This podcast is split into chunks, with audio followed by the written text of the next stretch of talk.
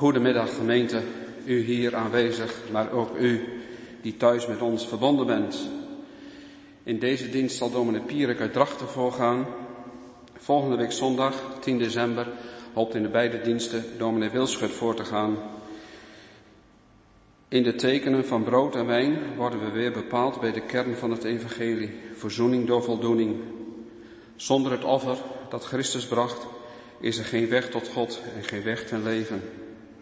Morgenavond, maandagavond 4 december, is er om 8 uur de avondmaalskring in de Ark, om ons ook gezamenlijk te bezinnen op de nodiging tot en bediening van het sacrament. Allen hartelijk welkom. Tijdens de dienst voorafgaande de preek zijn er twee collecten.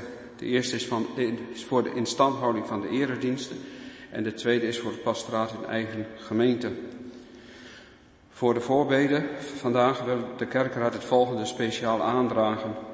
Afgelopen zondag heeft dominee de Leeuw in de dienst in Oude Pekela een hoorcommissie op bezoek gehad. De kerkraad van de hervormde gemeente Syriansland draagt onze dominee voor aan de gemeente om een beroep uit te brengen. Daar zal later deze week over gestemd worden. Als de gemeente instemt, zal er volgende week een beroepsbrief bezorgd worden. We willen de Heere bidden om zijn weg duidelijk te wijzen in de ontstane situatie. Voor alle mededelingen en afkondigingen geldt zo de Heere wil en we leven zullen. De kerkraad wenst u een gezegende dienst.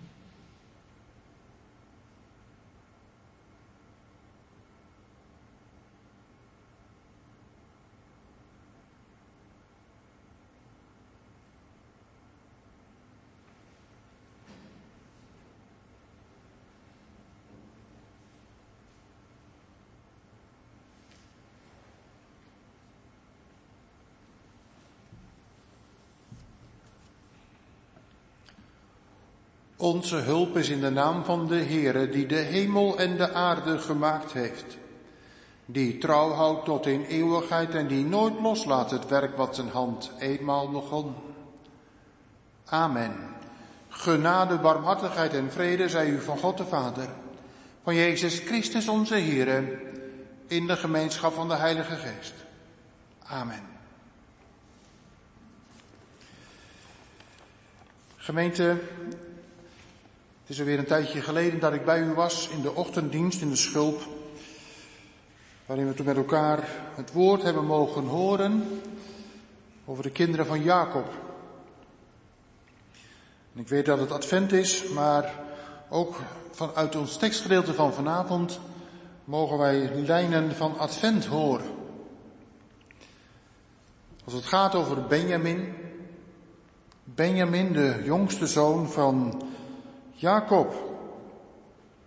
Zijn naam is Ben-Oni, zegt Rachel. Wat Jacob verandert in Benjamin. Ben-Oni, zoon van mijn smart. Benjamin, zoon van de rechterhand. Als we het woord van God uit mogen horen, zien wij daarin een tweestrijd. Onder de rechterhand van Jacob, onder de rechterhand van de zegen, of een zoon van smart. En die woorden die komen wij, althans op een andere manier, maar wel die strijd komen wij tegen in Psalm 1. En daarvan zingen we nu de versen 1 en 3. En als we straks het geloof hebben beleden, het vierde vers. Psalm 1, vers 1 en 3. En straks na de geloofsbeleidenis, het vierde vers. Thank you.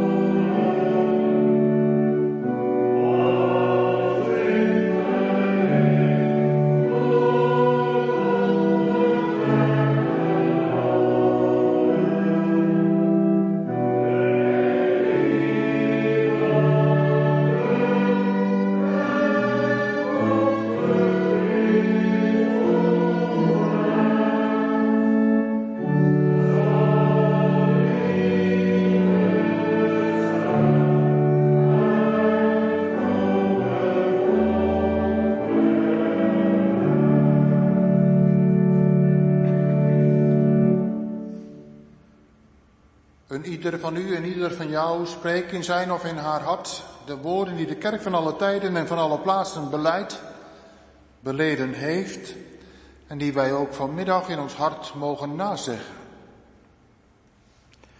Ik geloof in God de Vader, de almachtige schepper van de hemel en van de aarde. En in Jezus Christus, zijn enige geboren Zoon, onze Heer die ontvangen is van de Heilige Geest, geboren uit de Maagd Maria, die geleden heeft onder Pontius Pilatus, is gekruisigd, gestorven en begraven, nedergedaald ter helle. Maar die op de derde dag is opgestaan van de doden, opgevaren naar de hemel, zittende ter rechterhand van God, de Almachtige Vader, van waar hij komen zal om te oordelen de levenden en de doden. Ik geloof in de Heilige Geest. Ik geloof één heilige algemene christelijke kerk, de gemeenschap van de heiligen, vergeving van de zonden, wederopstanding van het lichaam en ik geloof een eeuwig leven. Amen.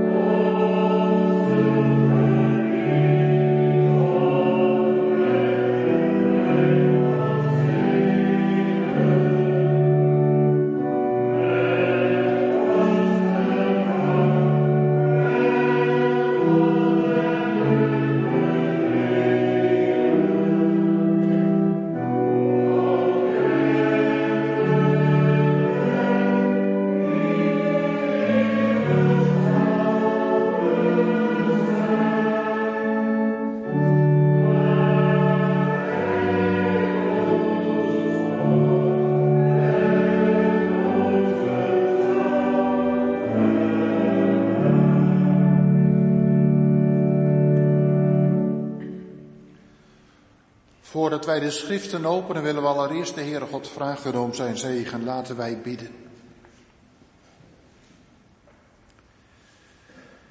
Heere, zo op deze avond past het ons om uw naam te danken. De zon gaat onder. Het is vandaag een grijze dag geweest. Sneeuwopkomst. Ja, en dat in de weken van Advent. De wereld zegt het kan niet mooier. Lekker knus bij de kachel, open haard aan en dan maken we het gezellig. Een kerstboom in huis en al die andere dingen. Maar zo anders is uw woord. Het woord wat ook vanmiddag open mag gaan. Wat u hier al had liggen voordat wij naar deze kerk kwamen. Dat woord wat spreekt over de kinderen van Jacob, over de jongste Benjamin. Waarin er twee wegen worden voorgehouden. Ja, dat eigenlijk bij elkaar komt. Die strijd van het geloof wat ook in deze jongen gevonden werd. Hier en daardoorheen zien wij daadwerkelijk wie u bent. Vader, Zoon en Heilige Geest. U kwam naar de aarde. Advent. U werd in doeken gewonden en u werd neergelegd in de kribbe. U groeide op maar de wereld wilde u niet. Aan het kruis met hem, kruisig hem. Ja, tot in de diepste smart en angst van de hel hebt u zich vernederd. Advent loopt uit op het kruislijden. En dat mag in deze zondag van voorbereiding op het heilig avondmaal van volgende week zondag centraal staan. Dat de tafel aangericht staat omdat u alles hebt volbracht. Dat, heren, dat mogen wij ook vandaag horen. Heren, schenk dan ons vanmiddag een goede en een gezegende dienst. Ook al zijn wij maar met weinig. Wees dan zelf in ons midden, zodat we aangeraakt worden, dat ons hart verlicht wordt, dat het woord van wat er gelezen wordt daadwerkelijk in ons leven komt en dat het meegenomen wordt in het leven. Maar dat niet alleen, maar dat het ook daadwerkelijk vruchten van geloof en bekering dragen mag. En dat het zo onze levens vormt in een daadwerkelijk adventsleven. In een leven van verwachting. In een leven van heiliging. In een leven van volgen van Jezus Christus. Here Benjamin, zoon van mijn smart, zoon van de rechterhand. Heere, geef ons vanmiddag een goede en een gezegende dienst. U weet hoe wij opgekomen zijn. De een met verlangen en de ander dacht, ja, als ik mijn plekje leeg laat, wie zit er dan? Maar hoe het ook zij, kom zelf in ons midden en raak ons zo aan dat u de lof en de eer en de aanbidding ontvangt. Maak het dan goed zowel op als onder de kansel. Maak het goed met hen die thuis met ons verbonden zijn. Heren, we leggen het voor u neer. Aanvaard onze dank om Jezus wil. Amen.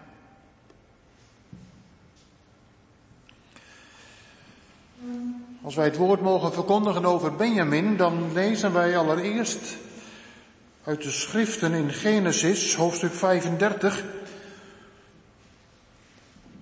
Genesis 35 is het tekstgedeelte voor vanmiddag. En dan komen de woorden bij de zegening van Jacob op zijn sterfbed uit Genesis 49 erbij. Daarvan vers 27. En dat is eigenlijk ook de tekst voor de prediking van vanmiddag. En dat zien we vervuld worden in Lucas 22 de versen 39 tot en met 46. Maar we lezen nu allereerst Genesis 35, daarvan de versen 16 tot en met 20. En dan lezen wij Gods woord al dus. Zij braken op uit Bethel, dus dat is het hele huisgezin van Jacob. Toen zij nog maar een, een klein afstand af hoefden te leggen om bij Efrat te komen, baarde Rachel. En zij had het zwaar tijdens het baren. En het gebeurde toen zij het zo zwaar, dat, toen zij het zo zwaar had tijdens haar, het baren, dat de vroedvrouw tegen haar zei, wees niet bevreesd, want ook deze keer hebt u een zoon. En het gebeurde toen haar ziel het lichaam verliet, want zij stierf, dat zij hem de naam Ben-Oni gaf. Zijn vader gaf hem echter de naam Benjamin. Zo stierf Rachel en zij werd begraven langs de weg naar Efrat, dat is het tegenwoordige Bethlehem. Jacob richtte toen een gedenkteken op boven haar graf. Het gedenkteken op het graf van Rachel staat er tot op deze dag. Dit is de eerste schriftlezing. Misschien is het goed om even alvast te kijken naar vers 18. Daar staat, als u daar zien, een statenvertaling voor u hebt liggen. Bij die twee namen, Ben-Oni en Benjamin, twee keer een sterretje staan. En daar staat, Ben-Oni betekent onderaan in de kantlijn, zoon van mijn pijn of zoon van mijn smart. En Benjamin betekent zoon van de rechterhand. De tweede schriftlezing die wij lezen vinden wij in hoofdstuk 49.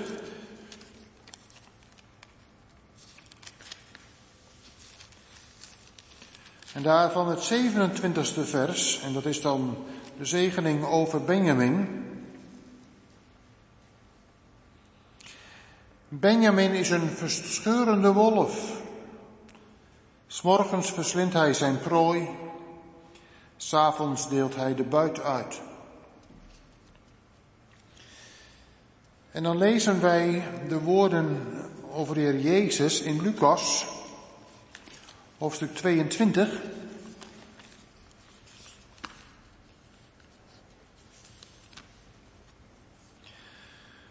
Dan staat in deze Bijbel boven, als we beginnen te lezen bij vers 39, Jezus in Gethsemane. En als we dat gevonden hebben, dan staat daar, en hij ging de stad uit en zoals hij gewoon was naar de Olijfberg. En ook zijn discipelen volgden hem. Toen hij op die plaats gekomen was, zei hij tegen hen, bid dat u niet in verzoeking komt. En hij verwijderde zich van hen ongeveer een steenworp afstand, knielde neer en bad. Vader, zoals u wilt, neem, als u wilt, neem deze drinkbeker van mij weg, maar laat niet mijn wil, maar de uwe geschieden. En aan hem verscheen een engel uit de hemel die hem versterkte. En hij kwam in een zware zielenstrijd en bad des te vuriger. En zijn zweet werd als grote druppels bloed die op de aarde neervielen. En toen hij van het gebed opgestaan was, vond hij bij zijn discipelen, kwam hij bij zijn discipelen en vond hen slapend van droefheid. En hij zei tegen hen, hoe kunt u slapen? Sta op en bid dat u niet in verzoeking komt. Tot hiertoe de schriftlezing. Dit is het woord van God. De tekst, van, de tekst van de prediking vinden wij dus in Genesis 35, de woorden dus van Ben-Oni en Benjamin. En dan de versen 27 van hoofdstuk 49. Benjamin is een verscheurende wolf. S'morgens verslindt hij zijn prooi en s'avonds deelt hij de buit uit.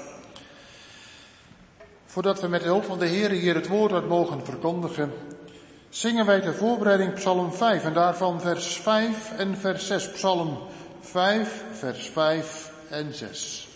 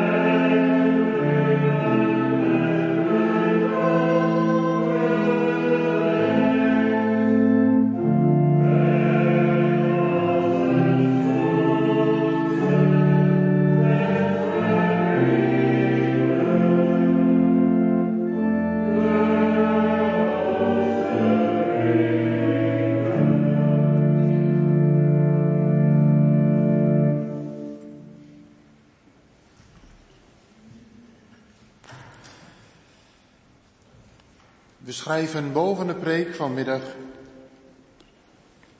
Benjamin. Drie gedachten en ze lopen zo eigenlijk in elkaar over. Ten eerste de zoon Benjamin. Ten tweede de zonen van Benjamin. En ten derde de zoon van God, Jezus Christus. Benjamin, ten eerste de zoon Benjamin. Ten tweede de zonen van Benjamin, dus dat is de stam, wat daar gebeurt. En ten derde de zoon van God, Jezus Christus. Gemeente, een vraag. Welke naam dragen wij? Nee, ik zeg het eigenlijk niet goed. Wat betekent onze naam? Velen zullen het niet eens weten wat de naam betekent die ze dragen. Maar deze zoon waar wij vandaag over horen en waar wij het woord uit mogen bedienen, krijgt wel een hele bijzondere naam. Zijn naam is Ben-Oni. Maar zijn vader geeft hem gelukkig een andere naam. Benjamin. Want die eerste naam, Ben-Oni, die naam is te erg om daarmee door het leven te gaan. Maar, maar als wij het vervolg van de preek zullen horen, dan blijkt die naam toch wel iets meer door te klinken in het leven van deze jongen, als dat vader Jacob wel zou willen. En laten we eens maar gaan kijken naar de geschiedenis. Ons tekstgedeelte waar wij begonnen met lezen, Genesis 35, daar was Jacob met zijn gezin weer terug in het land Canaan. In Genesis 32 vindt de strijd tussen Jacob met de Heer plaats bij Pniel en dan komt hij over en dan komt hij terug in het land. Dan ontmoet hij Esau, zijn broer, die zegt van ik zal je vast voorgaan. Maar dan gaat Jacob in de richting van het noorden en hij gaat in de richting van Sichem. En dan komt daar een dag en dan breekt hij op en hij gaat in de richting van Bethel. En eigenlijk vanaf dat moment beginnen wij met het lezen. Want dan komt er weer een dag en hij breekt op en hij trekt verder in de richting van Efrat. Zeg maar de velden van Efrata, daar in de buurt van Bethlehem. En daar, daar blijkt Rachel hoogzwanger te zijn. En de dagen van haar bevalling zijn nabij. Ja, daar bevalt zij langs de kant van de weg in de buurt van Bethlehem. Dat is eigenlijk een hele moeilijke geschiedenis. Tijdens een doorreis en tijdens een reis bevallen. Je hoort het soms wel eens in de krant, lees het dan. Iemand bevalt in het vliegtuig of wat dan ook. Maar dat niet alleen. Rachel is zwanger, zij bevalt op dat moment van een zoon en zij laat het leven, zij sterft. En tijdens dat sterven, tijdens haar laatste adem, roept zij als het ware Benoni, Ben-Oni, zoon van mijn smart. Je zult maar met die naam door het leven moeten. Je zult er altijd maar aan herinnerd worden, aan dat moeilijke moment dat die geliefde vrouw van vader het leven heeft gelaten. Zoon van mijn smart.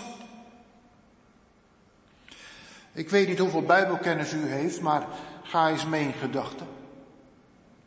Want we zouden natuurlijk zo vanuit dit tekstgedeelte, want het is advent, een lijn kunnen trekken van die geboorte daar in de buurt van Bethlehem naar de woorden die een profeet eraan toevoegt, dat er vanuit die streek, daar in die streek van Bethlehem, uit de velden van Efrata, een, een weeklacht op zal klinken naar de hemel. Want we weten wanneer de Heer Jezus Christus geboren is, koning Herodes komt erachter dat dan die kindermoord plaatsvindt.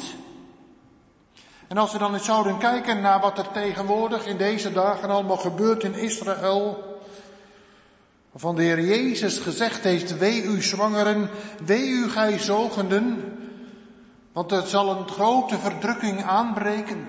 Dan zal de Christus komen. Advent toch, een tijd van verwachten. Matthäus 24, vers 19 tot 31. Ja, dan zal die grote dag aanbreken. Dat hij zal komen op de wolken om te oordelen de levenden en de doden. Ja, dan hebben we een prachtige adventspreek, zoals dat wij als gemeente mogen verwachten. En een actuele preek voor vandaag. Maar gemeente, dan hebben wij niet de essentie van de woorden van Benjamin en Ben-Oni begrepen. Want de Heere God laat ons vanmiddag wat anders verkondigen. De woorden die Jacob ook toevoegt op zijn sterfbed. Ja, dat wordt bij elkaar een ander perspectief. Benjamin, zegt Jacob. Hij zal Benjamin heten. Zoon van de rechterhand.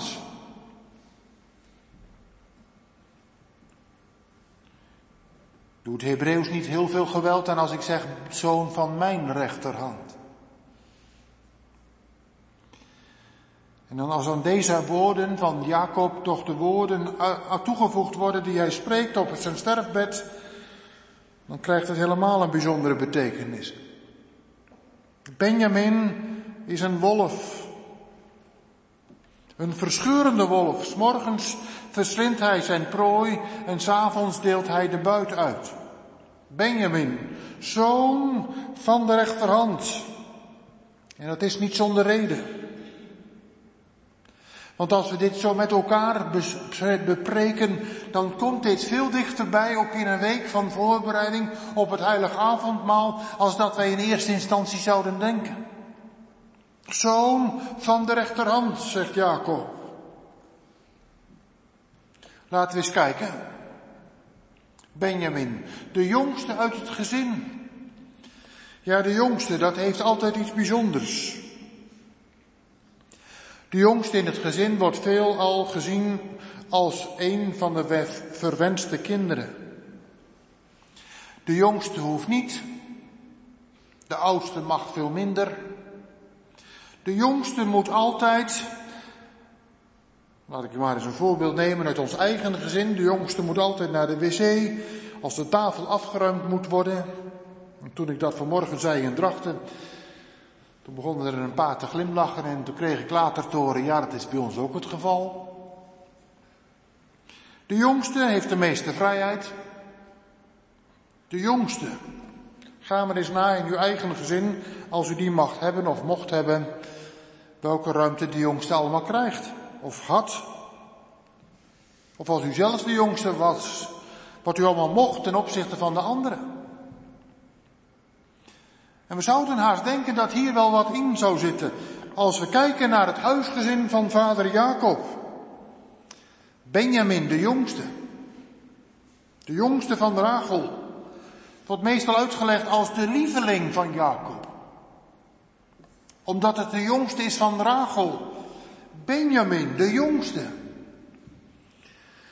Maar ik denk als we dat zo zeggen, dan doen we de schrift geen recht. Hij is wel de jongste, ja. En hij krijgt de meeste bescherming, dat klopt ook. Maar de liefste, nee, dat is hij niet. Dat is voor Jacob Jozef. Die krijgt die jas, die wordt gezien als opvolger van de stam van Jacob met zijn kinderen. Dat het allemaal anders gaat, dat laat ik even rusten. Maar de lieveling van Jacob, dat is Jozef. Daar stelt hij zijn vertrouwen op. Maar hoe is het dan wel? Nou, Benjamin is een beetje een moederskindje. Maar dan wel in het negatieve. Hij lijkt het meest op zijn moeder.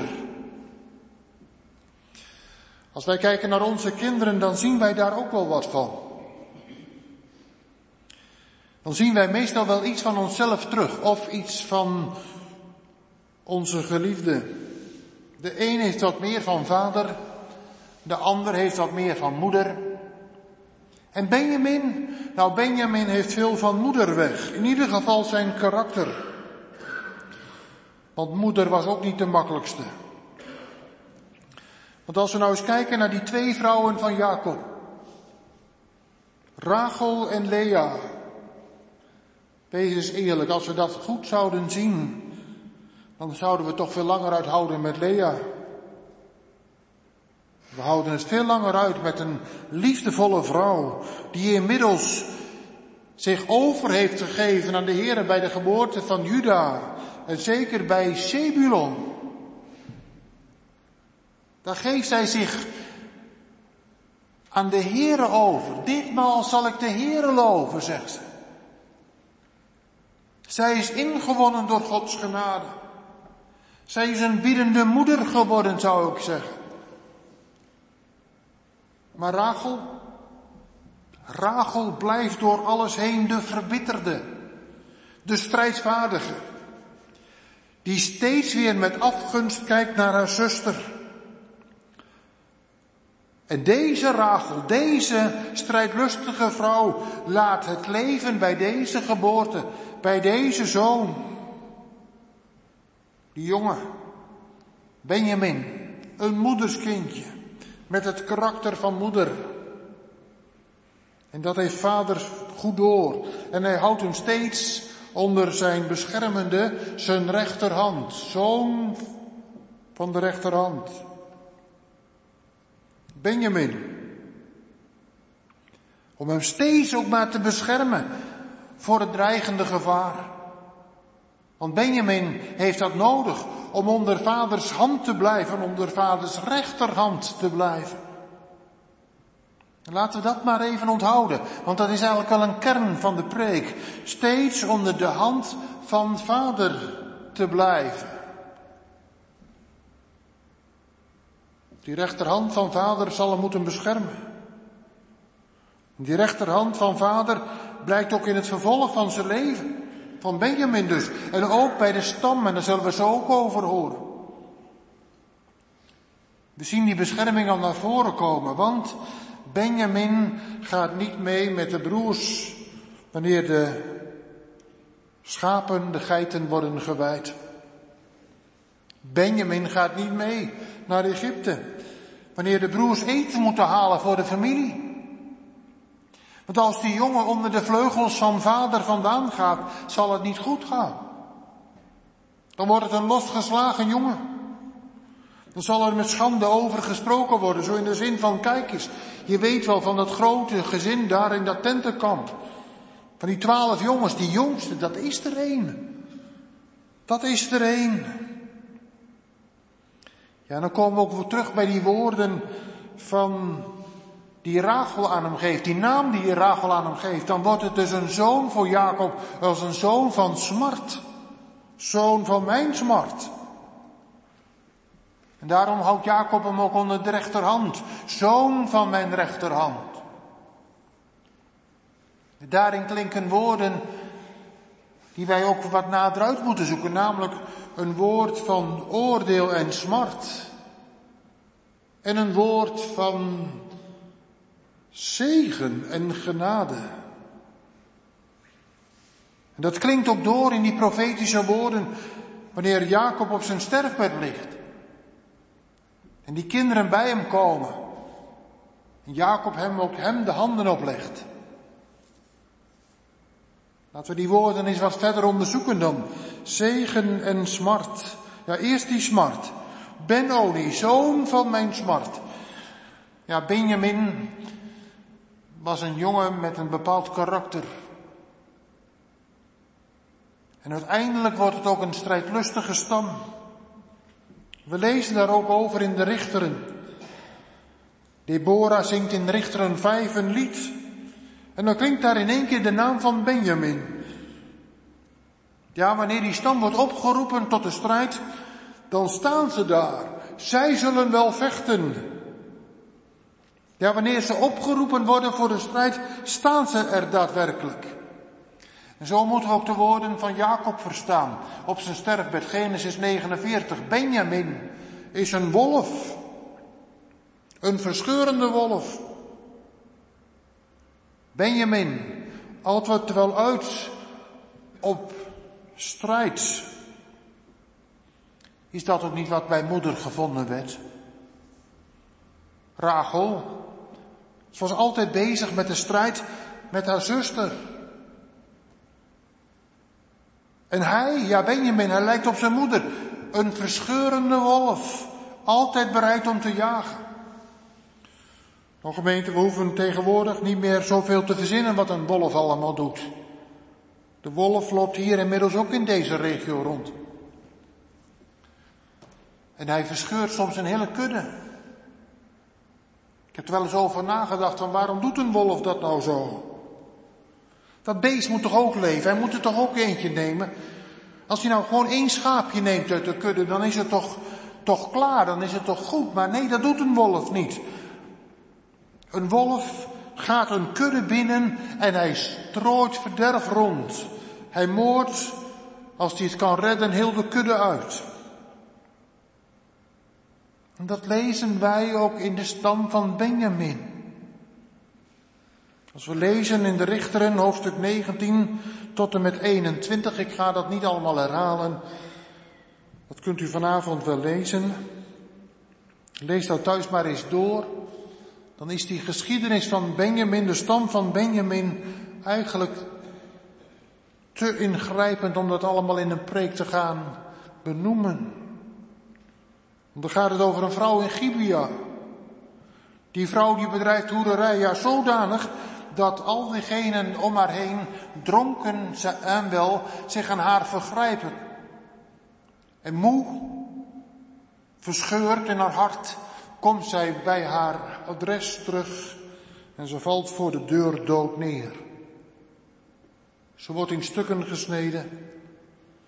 En uiteindelijk worden die stukken van het lichaam door Canaan heen gedragen en dan ontstaat er een grote burgeroorlog tussen de stammen en Benjamin. Een heftig verhaal. Een schandvlek. Een schandvlek in Israël. Ben-Oni, zoon van mijn smart. Ben-Oni, een verscheurende wolf.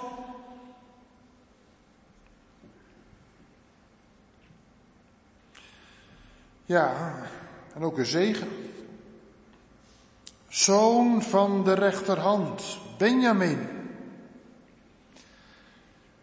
Er zijn heel wat mensen te benoemen uit de stam van Benjamin, die uiteindelijk ook tot zegen waren. De rechter Ehud bijvoorbeeld. En Mordechai in het Bijbelboek Esther. Maar ik wil er één uitnemen die bekend is, waarvan we eigenlijk zien dat hij het beide in zich heeft. Ja, zowel de zegen als de smart. Koning Saul uit de stam van Benjamin. En zolang hij bij de Here blijft, eigenlijk onder de hoede van de Here blijft, onder de rechterhand van de Here blijft, gaat het goed. Maar als hij uiteindelijk onder die hand van de Heere vandaan gaat, gaat het verkeerd. Koning Saul eerst tot zegen, later tot smart. Ja, en dan? Benjamin, de jongste. Hij moet dicht bij vader blijven. En dat zien wij ook bij de verdeling van het land terug. Wanneer het land wordt veroverd en het land wordt verdeeld, krijgt Benjamin een gedeelte dicht bij Jeruzalem. En dat is niet zomaar. Nee, Benjamin moet dicht bij de Here blijven. En dat weet die hemelse vader in de hemel echt wel. Wat deze jongen nodig heeft. Hij moet onder de hand van de Here blijven. En daarom krijgt hij een stukje grond vlak bij Jeruzalem. Ook wanneer vader Jacob al lang gestorven is, weet de Heer al lang wat deze jongen nodig heeft. Laten we nu eens een toepassing gaan maken. Want misschien herkennen wij ons, en zeker in een week van voorbereiding, ons wel meer als dat wij zouden willen en in eerste instantie dachten in Benjamin. Misschien vroeger al wel. Ja, als u dacht van nou, als ik later oud ben, dan ga ik mijn eigen weg. Die kerk, dat zegt me allemaal niet zoveel meer. Laat ik maar mijn eigen vleugels uitslaan. Dan kan ik doen wat ik wil, dan ben ik vrij. Dan kan ik van het leven genieten. Dan kan ik het zelf indelen, dan kan ik zelf, dan kan ik zelf. Dat ouderwetse gedoe van pa en ma, er zit toch geen toekomst in? Misschien dacht u dat ook wel vroeger. Maar toch, het was goed dat vader en moeder in de buurt waren, die ons erbij hielden. Zo eens even een keer met de rechterhand pakte. De ene heeft daar meer, meer last van als de ander, of de ene had daar wat meer last van als de ander. En toch moeten we zeggen door de tijd heen dat het goed is gekomen, omdat de hand van vader daar was. We zijn er inmiddels wel achter gekomen dat de Heere ons daarmee op het oog had. Dat de Heere ons dicht bij zich hield. En dat we door alles heen, doordat onze ouders ons tegenhielden, vasthielden, dat de Heere in ons leven heeft kunnen werken. Dat we uiteindelijk moeten zeggen, ja, als ik toen en toen niet in de kerk had gezeten, onder het woord had gezeten, dan was ik al lang en breed vertrokken. Maar juist toen, toen werd ik aangeraakt door de kracht van de Heilige Geest. Die woorden die de dominee sprak onder de preek, die waren voor mij. De Heere legde het geloof in mijn hart. Hij heeft alles in mijn leven goed gemaakt. Dat ik de Heer mogen leren kennen. En wat eerst beklemmend leek, bleek later genade te zijn. Zo ging het ook met de stam van Benjamin. Ze werden dicht bij de tempel gehouden. Dat was voor hen genadige verkiezing.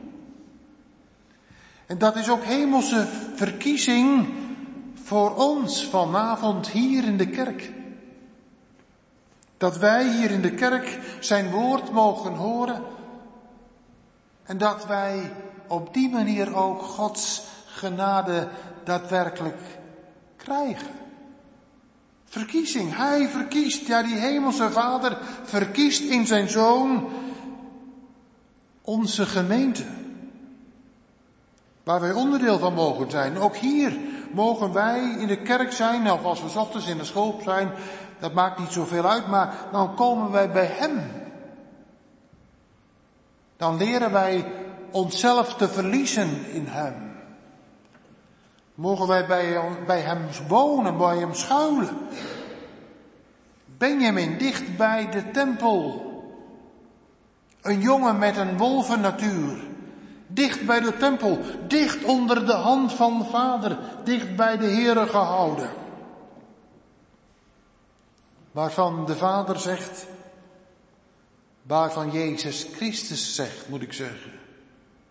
Dit verdraait en verkeerd verslacht wat altijd verkeerde wegen gaat. Dat, dat geslacht heb ik uitgekozen. Dat wil ik dichtbij me hebben. Hoe dan? Hoe kan dat dan? Hoe kan dit verdraaid verkeerd geslacht nou uitgekozen zijn? Een goede vraag gemeente. Een goede vraag. Dan mag ik hem eens met een wedervraag bij u brengen. Hoe kan u nou uitgekozen zijn? Kijk eens naar uw eigen hart. Wij zijn toch ook niet van die beste? Wat gaat er allemaal niet door onze gedachten heen? Wat komt er allemaal niet naar boven in ons, in ons hoofd, in, in onze denkwereld? Wat sluipt er allemaal niet binnen? En dat kan ook zeker in een week van voorbereiding op ons afkomen dat wij moeten zeggen, ja, en dan als dan volgende week de tafel aangericht staat, moeten we dan bij de Heer komen aan zijn tafel?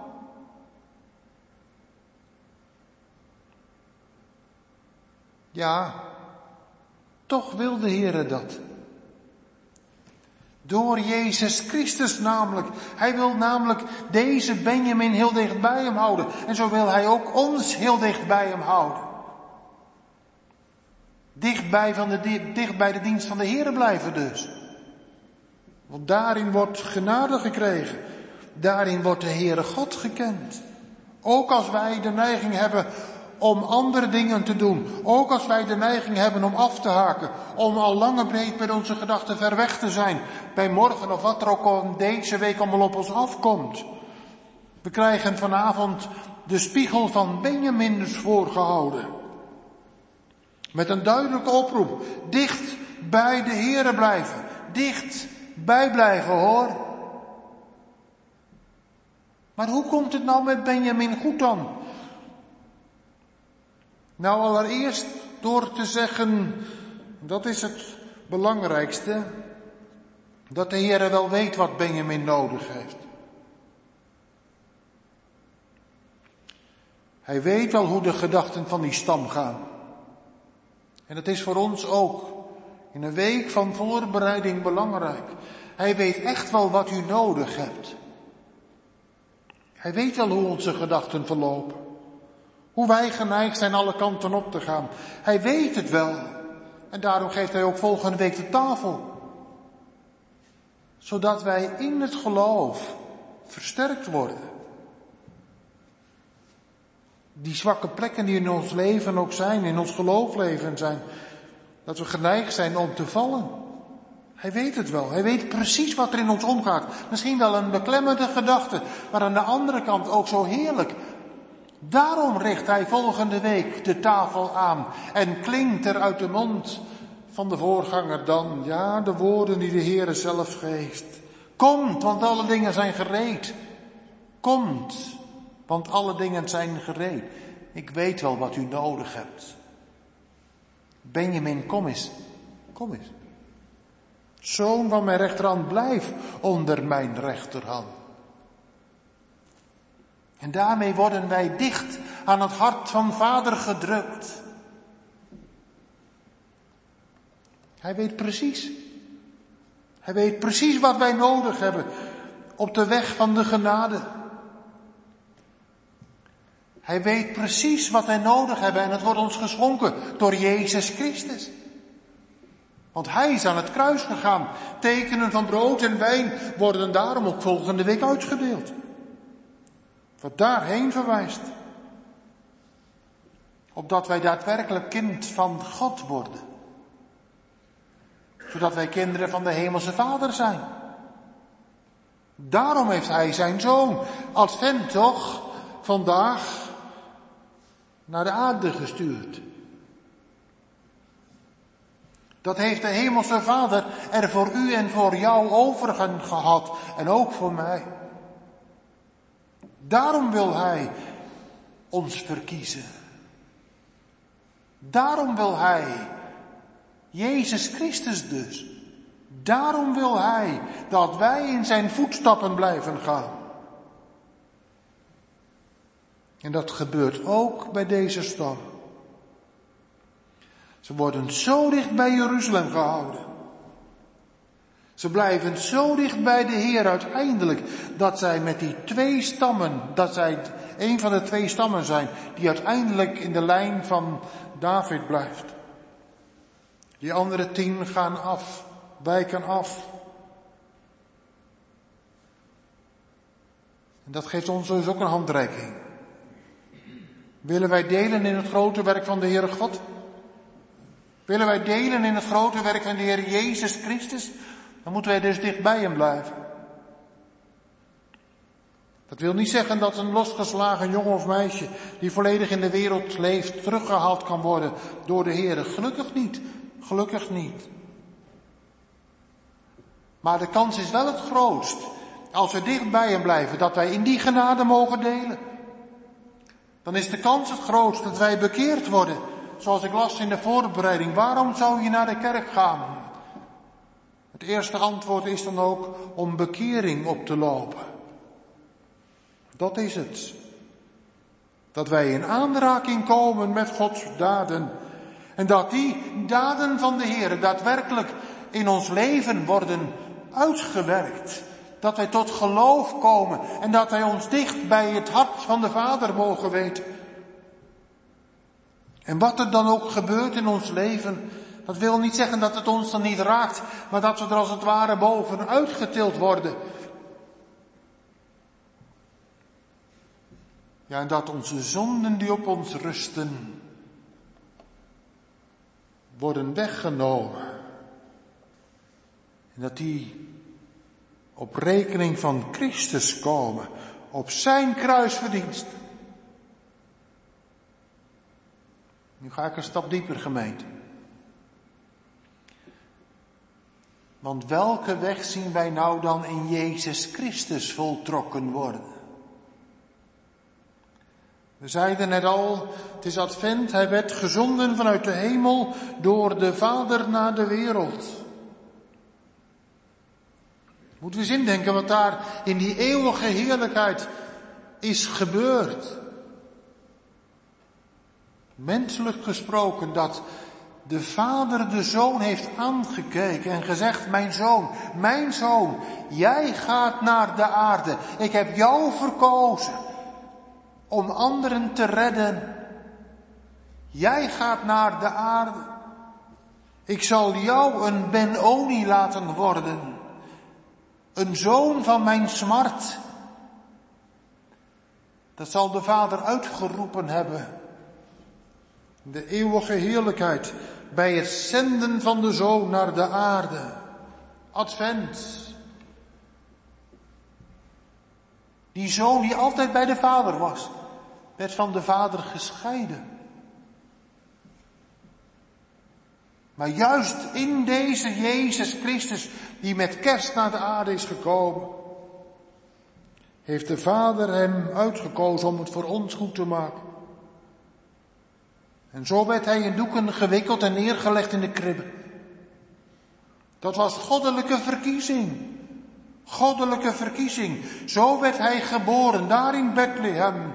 En zo groeide hij op. Zo ging hij over het rond van de aarde. En hij verkondigde het koninkrijk van de hemelen. En hij richtte mensen op. En hij richtte mensen op, het blik op de Vader. Hij riep mensen op om, om te bekeren tot God. Zo werd Jezus Christus dus daadwerkelijk een Benoni, een zoon van mijn smart. En dat heeft vader geweten. Dat heeft vader geweten. Want Jezus Christus is over de aarde gegaan en uiteindelijk heeft hij de dood in de ogen gekeken. En die angst voor de dood heeft hij voor vader gebracht. We hebben het gelezen vanavond. Daar in de hof van Gethsemane. Daar heeft hij het uitgeroepen, Vader, indien het mogelijk is, laat deze beker van mij voorbij gaan. En hij, het beklemde hem zo dat hij grote druppels bloed uitzweette. Maar dat niet alleen, ook aan het kruis heeft hij geroepen, mijn God, mijn God, waarom hebt u mij verlaten? Waarom hebt u mij verlaten? Zoon van mijn smart, zoon van mijn smart. Ja, dat heeft vader ervoor over gehad om Benjamin onder zijn hoede te houden. Dat heeft vader ervoor over gehad, de hemelse vader, om Israël te bevrijden. Dat heeft de hemelse Vader ervoor over gehad om ons als gemeente hier ook in Assen te verlossen. Hij die zijn eigen zoon gezonden heeft, tot in de diepten van de hel, opdat hij ons genadig zou zijn. Zo staat het in het avondmaalsformulier voor volgende week zondag. En met dat wordt het brood gebroken en de beker uitgedeeld.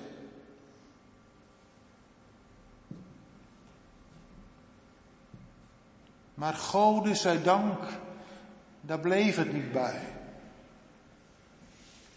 Op de eerste dag van de week werd de Jezus Christus, de Zoon van God, opgewekt uit de dood.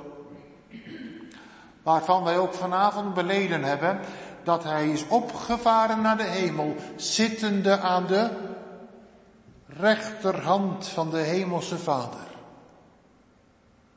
Zoon van de rechterhand, Benjamin. Gemeente, dat is genade op het hoogste niveau. Genade ontelbaar groot. Genade door dit. Genade voor arme zondaren. Opdat wij door Jezus Christus genomen worden, vernieuwd worden, schuldvergeving ontvangen, geheiligd worden, herschapen worden. Opdat wij dan door de Hemelse Vader in Jezus Christus worden gezien als een zoon en een dochter van de rechterhand. Deze genade wordt ons gegeven door Jezus Christus. Opdat wij altijd bij de Hemelse Vader kunnen zijn. Gemeente, dat werk, dat werk wordt hier vanavond door de kracht van de Heilige Geest aan ons verkondigd. Dat werk wordt in ons hart toegepast. Opdat wij een zoon en een dochter of een dochter worden van de rechterhand. Een Benjamin. Om dit leven. En ook voor dit leven na dit leven. Onder de handen van de Hemelse Vader te kunnen gaan. Die genade wordt hier vanavond verkondigd. Die genade mag hier vanavond klinken.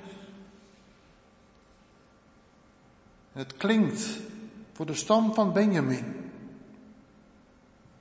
Als we zo kijken ook naar wat er nu allemaal in de wereld gebeurt. Israël wordt aangevallen, maar welke stam is al terug?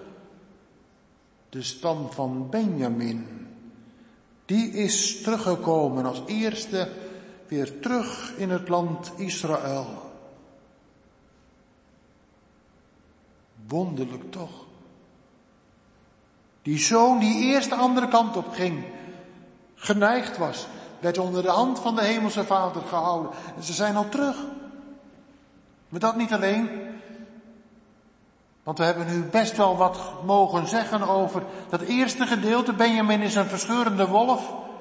Maar dat andere dan? S'morgens verslindt hij zijn prooi en s'avonds deelt hij de buit uit. Nou, het mag een grote uitwerking krijgen. Op de weg van de genade. Ik ga het er niet allemaal nog verder uitwerken, want dat is veel te veel. Maar we zien namelijk een Saulus van Tarsus. Uit de stam van Benjamin. Ingewonnen worden voor de dienst van God. Op de weg naar Damascus. Hij had een wolvennatuur. Hij zou die gemeente wel even verslinden. Maar hij werd onder de handen genomen van vader. Jezus Christus verscheen hem op de weg. Toen werd hij klein. Hij werd klein, maar hij werd de grootste onder de apostelen.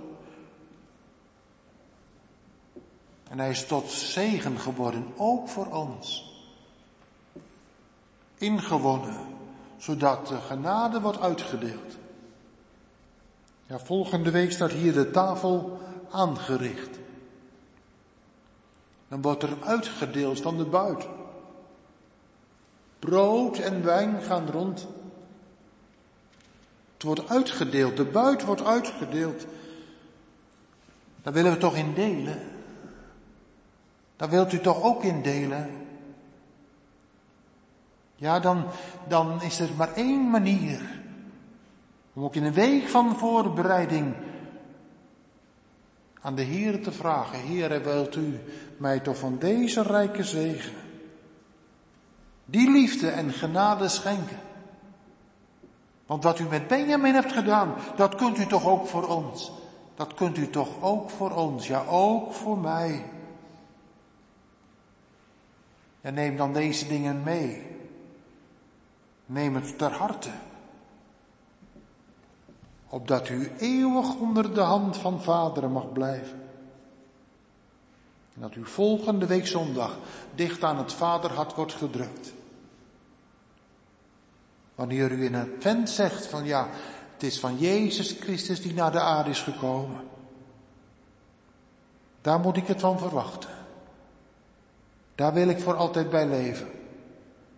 Daarvan mag ik en mogen wij volgende week van smaken en proeven. Als voorsmaak voor de eeuwigheid. Dank u wel, Vader. Dank u wel dat u hem Ben-Oni niet liet heten, maar dat hij Benjamin heette. Dank u wel, Vader, dat u dat hebt willen volbrengen in Jezus Christus. Dank u wel, o Heilige Geest, Vader, Zoon en Heilige Geest. U zij lof, eer en aanbidding tot in alle eeuwigheid. Amen.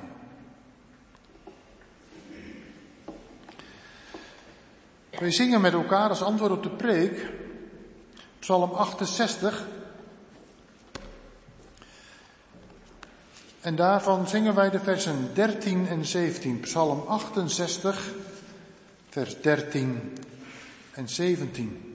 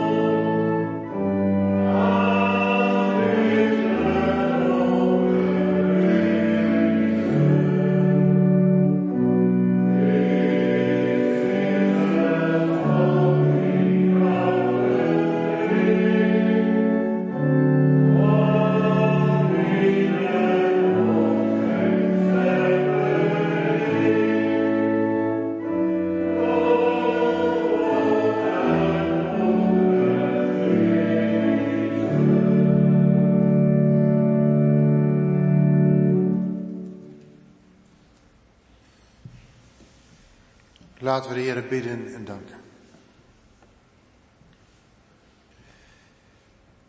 Hier in de hemel, aan het einde van deze dienst, mogen wij samenkomen in gebed. We mogen uw naam danken. Wat een wonderlijk woord werd dat vanavond. Benjamin, de kleinste, de jongste. Waar wij zo vaak zo snel aan denken van de meest verwende. Maar uiteindelijk bleek het totaal anders te zijn. Een verscheurende wolf, die, ja, die alleen maar met moord en doodslag bezig zou zijn, als u het niet had verhoed. Heren, we lezen daar ook over in de richteren. Een ernstig verhaal.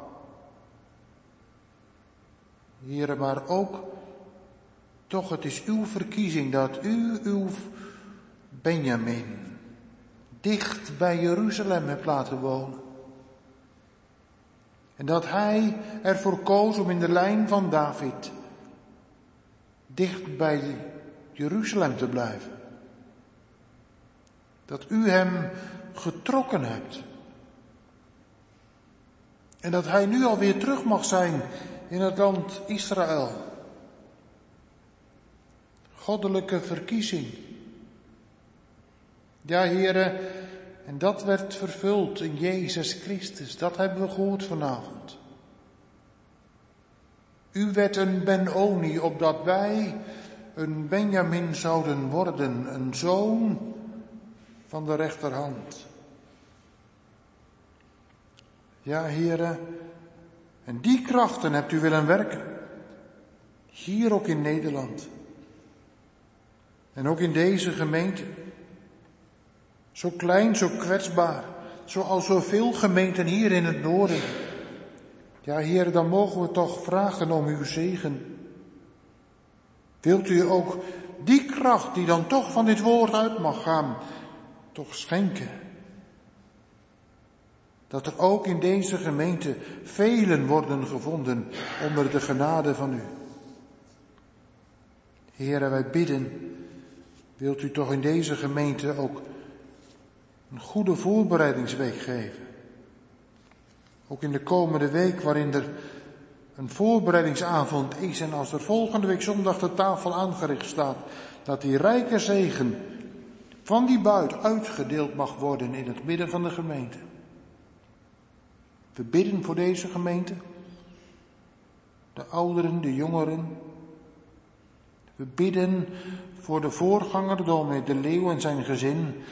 Ook als het allemaal door mag gaan, dat hij een beroep mag krijgen uit Syrians land. Voor ons gevoel zo'n eind weg. Helemaal in Zeeland. Een roepende gemeente, Heer, u weet wat er allemaal door hem heen gaat. Hij heeft al zo lang mogen dienen hier in de gemeente. Zeven jaar ruim. Wilt u hem de weg wijzen? Dat hij uw wegen gaat. En als u voorgaat, kan hij volgen. Zo niet, laat hem dan hier. Wil toch alles geven wat daarvoor nodig is, heren. En bovenal een duidelijke stem vanuit uw woord. Dat het helder mag zijn wat u met hem en zijn gezin voor hebt. We bidden voor allen die met ons verbonden zijn, voor wie het te veel was om vanmiddag in de kerk te zijn vanavond. We bidden, wilt u ook met een rijke zegen in de huizen doorwerken. We bidden ook voor zending en evangelisatie. Ook hier in Assen mag toch het woord klinken, ook al is het zo kwetsbaar. Als we over de grenzen van de kerkmuren heen kijken, dan zien we ook op andere plekken zoveel schraalheid, zoveel tekort.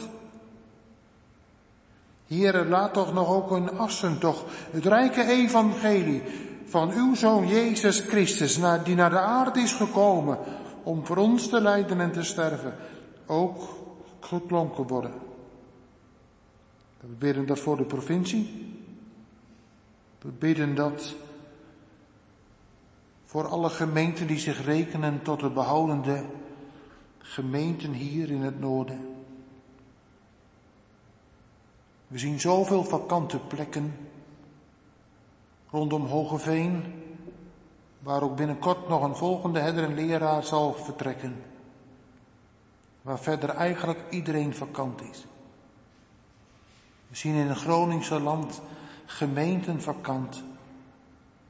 En ook buiten onze kring ook. Aan het einde van dit jaar hebben 55% van de gemeenten geen voorganger. Heren, hoe moet het toch verder? Hoe moet het toch verder? Zie toch ook uw kerk, ook de protestantse kerk in Nederland, toch aan in genade. Laat toch nieuwe herders en leraren worden opgeleid. En zend toch ook naar het noorden, op deze streek ook uw taal, uw woord, uw genade mag horen. We bidden voor de zending op de zendingsvelden. De landen waar het evangelie met kracht mag verkondigd worden, waar de kerk groeit. Ja, heren, wil toch daar ook uw zegen toch schenken. Wees ook met de vervolgde kerk, de plaatsen waar zoveel nood is, waar uw gemeente verdrukt wordt. Heere, wees daar met uw zegen nabij. We bidden in het bijzonder voor uw volk Israël, voor de stam van Benjamin die daar al woont, en de anderen die zich daar door de jaren heen bijvoegen. Ja, Heere, kom terug. Kom terug wanneer uw volk u zal erkend hebben als de Messias die gekomen is waarin wij in de verwachting mogen leven dat u komt, ja de tweede komst. Heer, zo mogen we dat voor uw aangezicht brengen. Omdat wij gehoord hebben vanavond van een naam, de naam van Jezus. En daarom mogen wij ook zeggen, amen. Ja, wij mogen weten dat deze gebeden veel meer door u verhoord zijn dan dat wij in ons hart gevoelen. Dat zeggen wij dan ook voor uw aangezicht in de naam van Jezus Christus.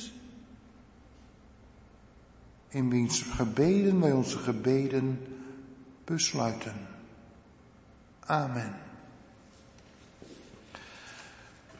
Wij eindigen met Psalm 79 en daarvan vers 7. Zo zullen wij de schapen uw weiden in eeuwigheid uw lof, uw eer verbreiden. Psalm 79 vers 7 is ons slotlied.